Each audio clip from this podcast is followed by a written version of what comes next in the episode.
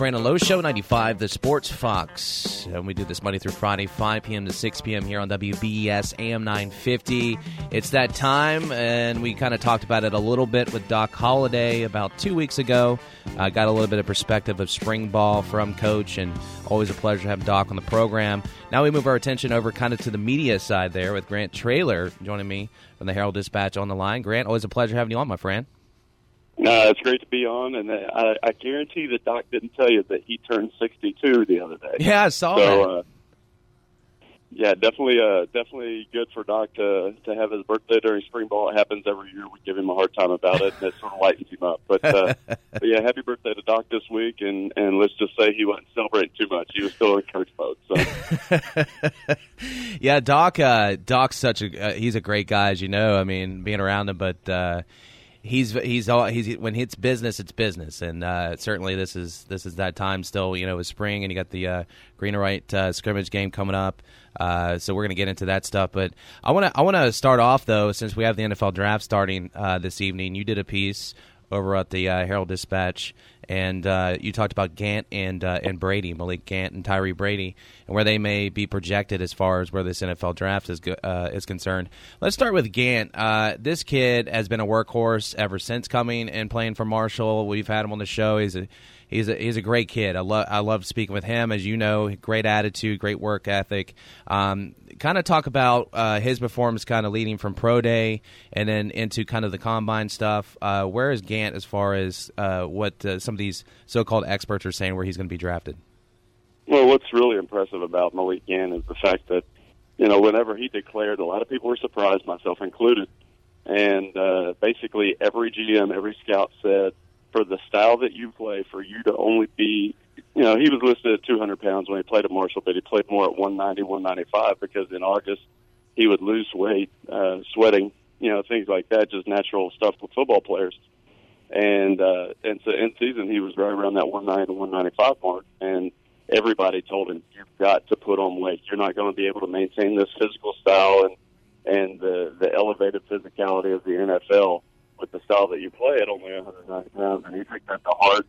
Uh, really surprised everybody at the NFL Combine, landing at 209 pounds and just looked like a different specimen. I mean, he was he was cut up before, but he really went to work on his body.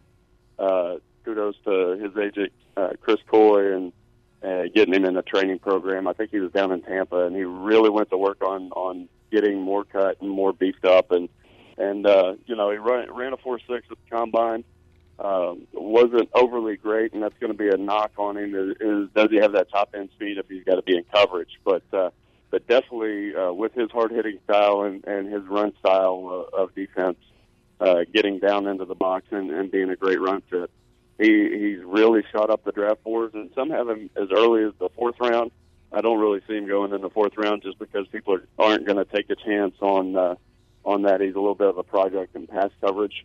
Um, but at the same time, uh, definitely a guy that that you could see late fifth round, sixth round, and, and maybe early seventh. Uh, in between those picks, I want to say it's like 170 to, to 220 in that range. Uh, expect him to get the call on Saturday and and uh, hear his name mentioned in Nashville. It's awesome stuff, man. And as you mentioned, you know, going from uh, somewhere, you know, going around that 190, 195 and bulking up. I think he weighed in, as you put in here in the NFL Combine, somewhere around 209 pounds. And you're right, and those GMs are right, and scouts and whoever tells him that, that, you know, if you're going to be that physical, you're definitely going to have to add some weight. And, I mean, some of the things you point out here top overall rated safety, group of five conferences. Uh, Pro Football Focus put that there. He was Marshall's uh, team MVP last season 94 tackles, nine tackles for a loss, two interceptions.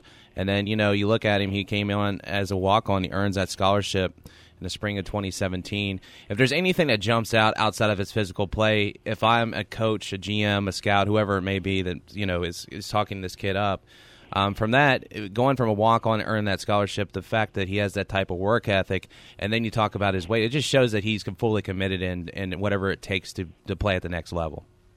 Well, not only that, you know, he's got a story. And I think that's one thing, you know, that people sort of lack uh, in thinking, yes, you have to be able to play the game. Yes, you have to have the physical tools. Yes, you have to be able to adapt mentally to the to the rigors of the NFL. But you also have to be marketable. It's still a business, And uh, you know, Malik Gant is terrific to talk to. Very eloquent when he speaks. Uh, loves to tell his story. I mean, this was a kid that didn't have any offers out of BC, and decided to take a chance walking on at Marshall. And from day one, just went to prove himself. And like you said, earned that scholarship in the spring of 2017, and later on that fall had a hundred tackle season. I mean, that's that's an incredible turnaround. Followed it up with the 94 tackle season last year and really like, emerged as a leader and, and grew into that leadership role toward the end of his sophomore year whenever he was named a captain on a couple of occasions and then was captain throughout 2018. So uh, it speaks volumes whenever a junior is named team MVP and the coaches and players named him that for the 2018 season. And so, uh, you know, those are all intangibles that uh, GMs and, and scouts and everybody's going to look at. But the marketability factor of Malik Gant is terrific because – should that kid make it, he's got a story that resonates and it can turn into uh, something that becomes a fan favorite, something that resonates within a city that an NFL team is playing in. So uh, definitely, definitely helps his draft stock there as far as his marketability. But like I said, I mean, you know, he's still pro- project and pass coverage. Uh, a lot of people might say that he didn't play elite competition all the time, although his first start came against NC State and he had 17 tackles. So I think that speaks volumes in 2017 as well. So uh, going to be fun to see where he he goes, but uh, you know, no matter where he goes, whether he goes fifth round, sixth, seventh, undrafted free agent, he's going to put in the work to be able to to seize this NFL opportunity, and and looking forward to seeing big things from him. Just joining us here on the Brandon Lowe Show. Got Grant Traylor from the Herald Dispatch, and uh, kind of talking about some of the prospects coming out of Marshall in the NFL draft here. Now we switch over our attention to Tyre Brady, and it's a uh, it's a completely different story when you talk about Tyre Brady. Uh, when you talk about Malik Gant, you know Gant coming out with no offers out of DC. Well, Brady comes in as this highly touted wide receiver at the University of Miami.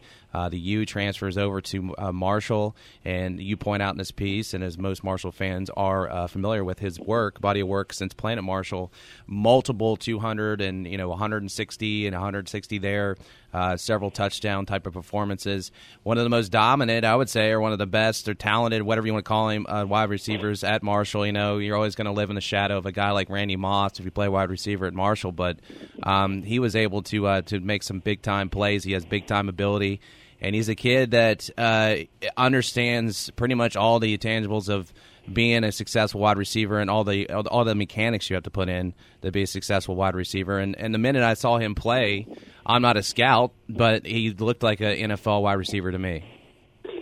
Yeah, absolutely. And let's take Randy Moss out of the equation. Nobody's Randy Moss. Randy Moss is not only the greatest in Marshall history, but the greatest of all time, in my opinion. I mean, just he changed the game, and so we'll take him out of the equation. But you look and other than Randy Moss, there's been nobody better, uh, in my opinion, in Marshall history. Um, you look at, at some of the things that he can do. You know, the Darius Watts is a guy that comes to mind. Josh Davis, all those guys. There, Mike Barber. There's been some terrific uh, receivers within Marshall history, but but when you look at somebody that fits the NFL mold, uh, Tyree Brady at six three, two ten. Uh, the thing that really impresses me about Brady isn't just his size he he isn't great at getting separation. I think that's going to be something that uh, that he's going to have to work on uh, within the NFL ranks. But when you look at tough catches in traffic, and, and he makes those catches that make you like we're in the press box seeing it live, and we all look up at the TV like, how did how did he catch that ball? Yeah. And so we're looking up at the TV for the replay. Uh, he makes those type of catches. He, he has the ability to make difficult catches in traffic and obviously, in the NFL, the coverage is going to be elite. So you're going to have to be able to make those catches in traffic. Uh, and you know, some of the some of the Senior Bowl practices, uh, some of the clips from those practices. I mean, he was doing that against some of the elite cornerbacks in the college ranks. So uh, I think that the ceiling is very high for Tyre Brady. I think that uh, his his 40 time at uh, Marshall, he ran a 4.74, which was very surprising, honestly. Uh, was nearly a tenth to two tenths off of what we thought he might run. And so I really think that that's going to hinder him, and I think that that shot him down the draft board a little bit. But at the same time, uh, you know, you look at his ability to catch the football and his ability to make plays, especially in big games. I mean, 11 catches, 249 yards against NC State. Uh, you look at the uh, 2017 New Mexico Bowl, he w- he had the flu. He was in the hospital the night before. Comes in six catches, 165 yards, and a touchdown. So uh, he has that it factor to him, and it's going to be the right team to to take a chance on him. And I will say this: I wouldn't be surprised if it's the Carolina Panthers because the Carolina Panthers GM came down while we were do, uh, while we were at the uh, Chris Cline Indoor during bowl practices, and it's very rare for a GM to come in, uh, especially in a day where there's so many scouts. Like there's so many regional scouts. So for a for a GM to to take a flight to see a particular kid, that that impressed me a lot, and spoke, in my opinion, of how Carolina sort of valued Tyre Brady. So. Uh, I think that uh, Carolina's last pick is late in the sixth round. So uh, you might look at those uh, 180 to 190 picks to see if uh, maybe the Carolina Panthers take a shot on him. Uh, there's several other teams. Uh, the Chiefs have been in talks with him as well. So there's several teams that could uh, look for his services. But like Malik, I, I think he's a little bit behind Malik. He's probably in that 200. You know, if the Carolina Panthers don't take him at that 187, he probably drops down in that 195 to 240 range. Uh, but uh, still a day three pick, and I think he gets the call in the draft. Yeah, it'd be interesting if Tyre. Both those uh, places would be nice for him, especially offensively. Uh, I think you'd probably want to go more Chiefs, um, just based off their more pass, uh, you know, pass heavy with that offense, and you'd have opportunity there to contribute uh, that type of offense. Carolina, you know, they throw it around a little bit, but with Cam Newton, they like to kind of run that option with the run game and, and Cam as well. So it'd be interesting, and and actually it'd be kind of cool if he plays with Carolina because it'd be close enough to go see him play as well, and right. and, and, and it'd be interesting too. Um, uh, on the uh, you know up north with Will Grier's even being mentioned with the Carolina Panthers. So who knows if there's some type of future hookup there later on down the road if if things kind of kind of meet up there. That'd be kind of cool having two guys out of West Virginia schools uh, meet up there in Carolina. Two guys that also got to know each other during the Senior Yeah. Bowl as well. Yep. I mean, it, they they got to work together and and had some successful practices, so that correlation will be there. That's awesome stuff, man. Uh, so, is there anybody else that, uh, as far as the NFL draft is concerned, for Marshall that you could see get drafted or sneak into some of those rounds? Uh, seventh round, Ryan Bee might be able to sneak in there. I know that uh, you know the Oakland Raiders uh, have some interest in him. I don't know if it'll warrant a draft pick or if he'll be an undrafted free agent, but Ryan Bee could be a really late. You know, he's six six two eighty, and and he's versatile. He can play the in spot. He can play inside. He's had experience at both, so uh, might might warrant a call uh, in the draft. But I, I honestly think that he's more likely to be a UDFA. Um, you know, other guys, Jawan Young. Jawan Young's a guy that played defensive end at Marshall, uh, but could transition honestly to an inside backer at the next level. I mean, there's some versatility there, so that might uh, pique some people's interest. And obviously, he was on the radar while he was at Miami, so uh, didn't have overly huge numbers at Marshall, but he does possess the talent and uh, the the prototypical size, street speed to be able to uh, sneak in one of those late rounds if somebody takes a flyer on it.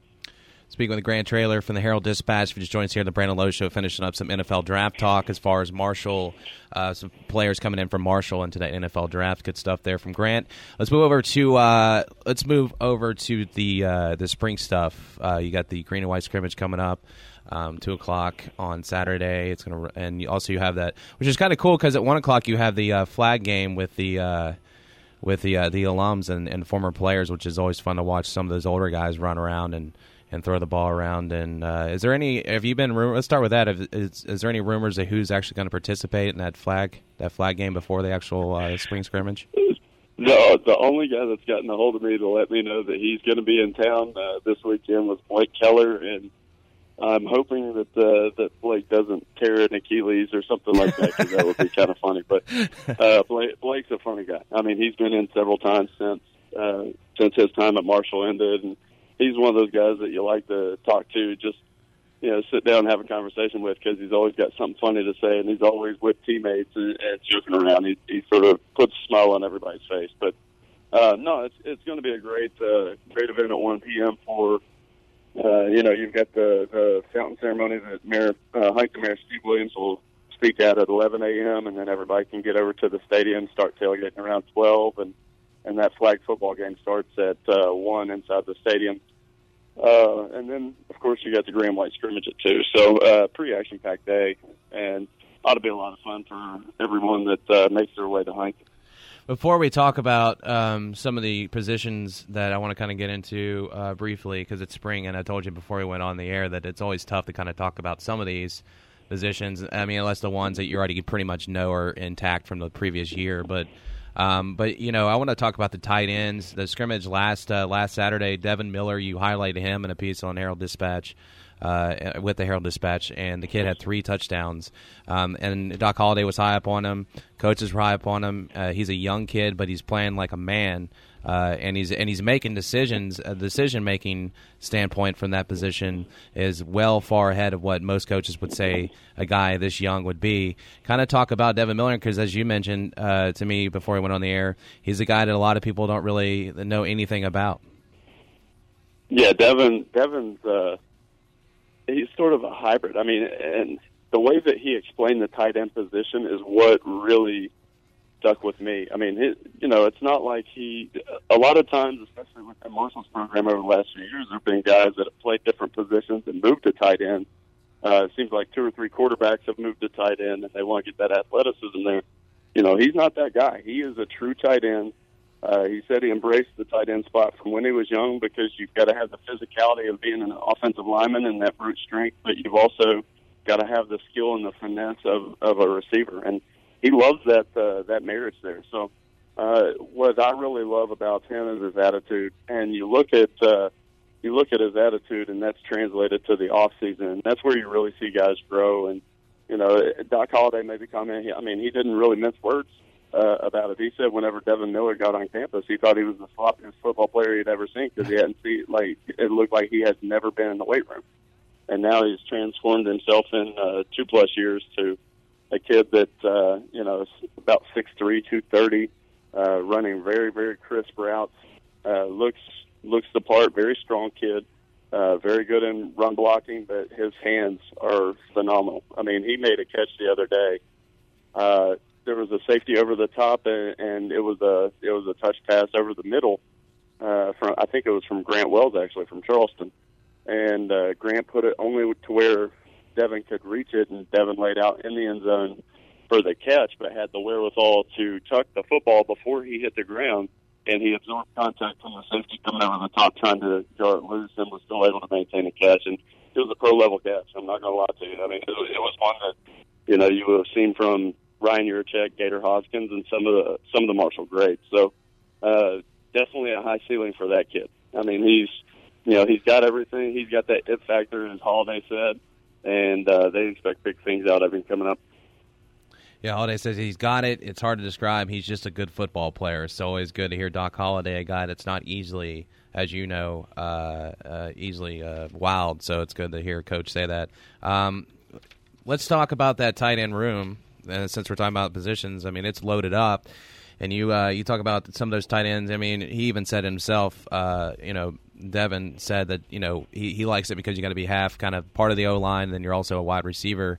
So also you're talking about the offensive line tacked in with that loaded tight end kind of room there, and it seems like that part of the offense up front. We all know it starts up front has been is intact heading into the season. It seems like if you're looking at a very solid portion of the offense, because you can talk whatever you want about the wide receivers, and they have wide receivers coming back outside of Brady, you know, leaving. But the fact that you have that offensive line intact and you have those tight ends, um, that's a great start for that offense and a great kind of foundation for that offense going into this year.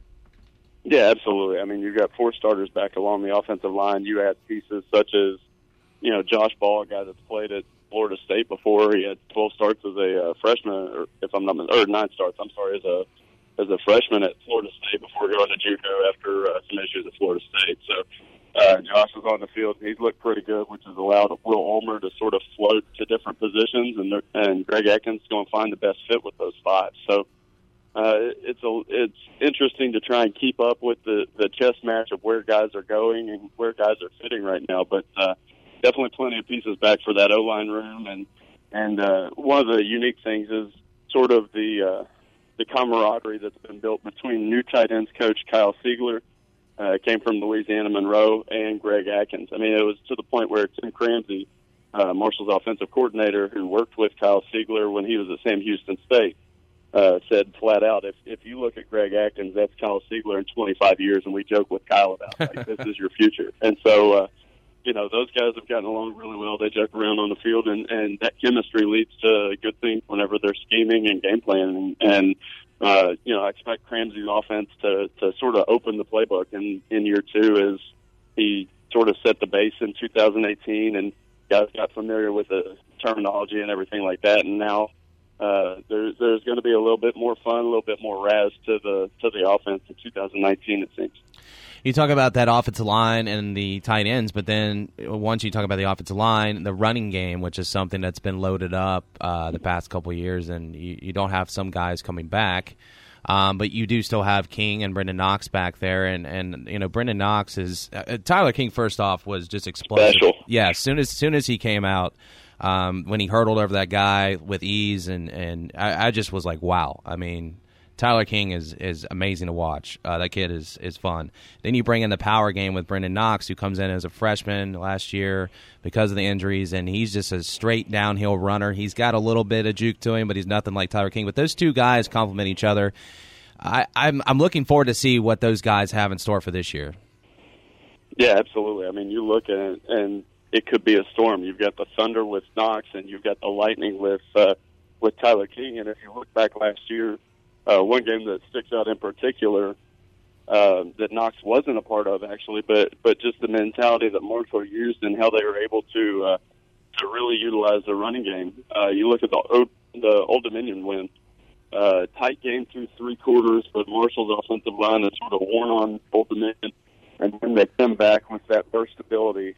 Uh, you know, you've got Tyler King, you had Keon Davis, you had Anthony Anderson, you had several backs that were factoring into that and uh, you know Marshall really utilized that that power attack to wear down the opponent, and then that burst attack to really put the game away in the fourth quarter. Tyler King, I think, had uh, two long touchdown runs in, uh, in late in the fourth quarter there. So uh, it's going to be a lot of fun to see that type of dynamic again this year because I think Brenden Knox is, is a very special back, and obviously we've seen what Tyler King can do, and uh, it's not often that uh, that a mid major has two potential NFL running backs in its backfield, but I definitely think that Marshall does uh, this year. I mean, Brenden Knox brings that sort of that violent, that almost Devon Johnson type feel. I mean, he runs angry. You know, yeah. he's going to stiff arm you, and you're going to feel it, and you're going to hit the dirt, and he's going to go for yards after contact. That's just how he runs, and and that's what he prides himself on, as as we saw at the Virginia Tech when he went for 200 yards. So.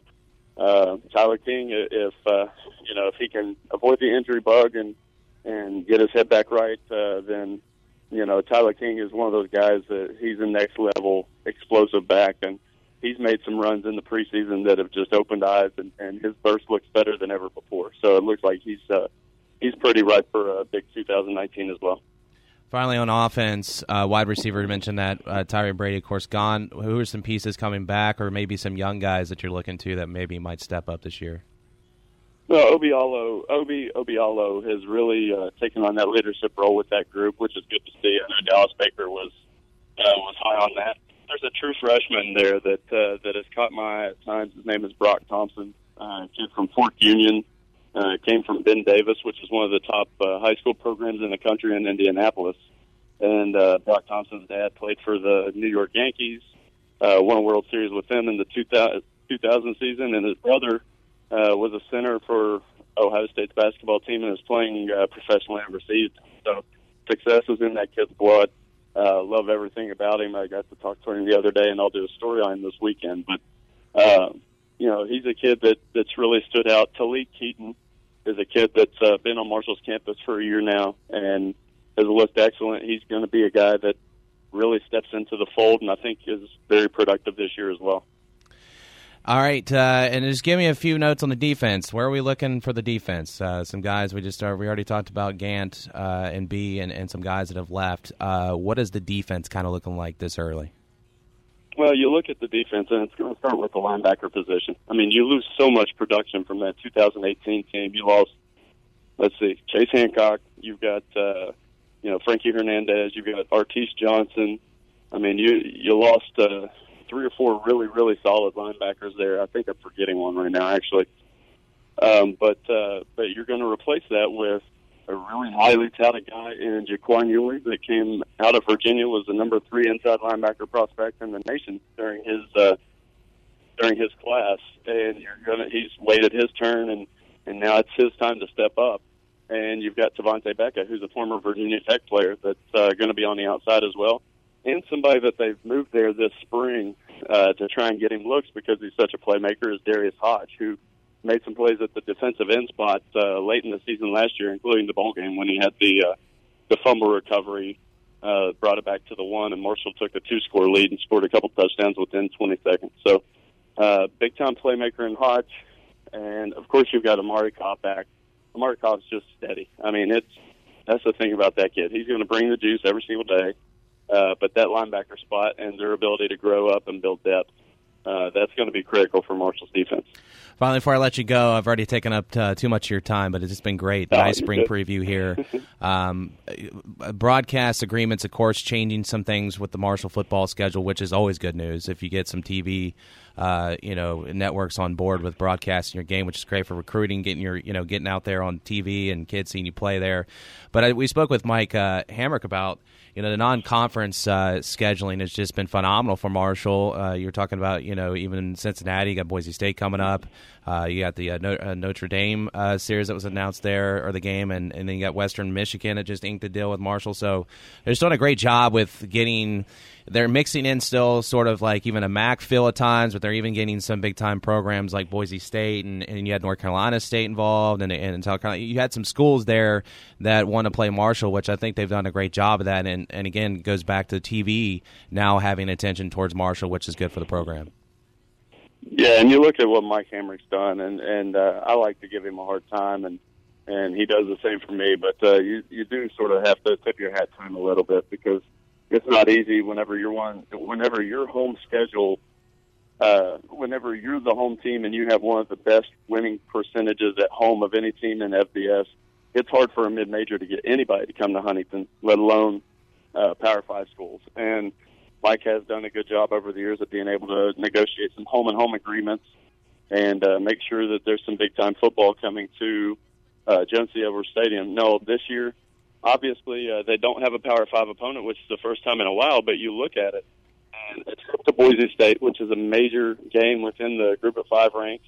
And you've got Cincinnati, who was ranked at the end of the year last year, and Ohio, both coming to Joan, uh, Joan C. Stadium. So, I mean, you've got big time uh, chances to really cement yourself as a top of the line group of five team right out of the gate going into conference play. So I mean, it, it could be a really impressive slate for uh, for Marshall, uh, two ranked group of five teams. I don't know if that's uh, ever happened on Marshall's schedule before with Boise State and Cincinnati. Uh, I think Cincinnati ended up uh, eleven and two or ten and three last year. Yeah. So uh, it's going to be fun to. Uh, make the trip out to the Smurf turf and then uh, get a couple of games against a couple of regional rivals in the Joan and and be able to cover those games and see how everything falls. It'll be fun to see that blue field in person for sure. I don't like it on TV, but if Marshall's getting to play there, it'll be interesting. That green on top of that blue, Grant. it'll be interesting for sure.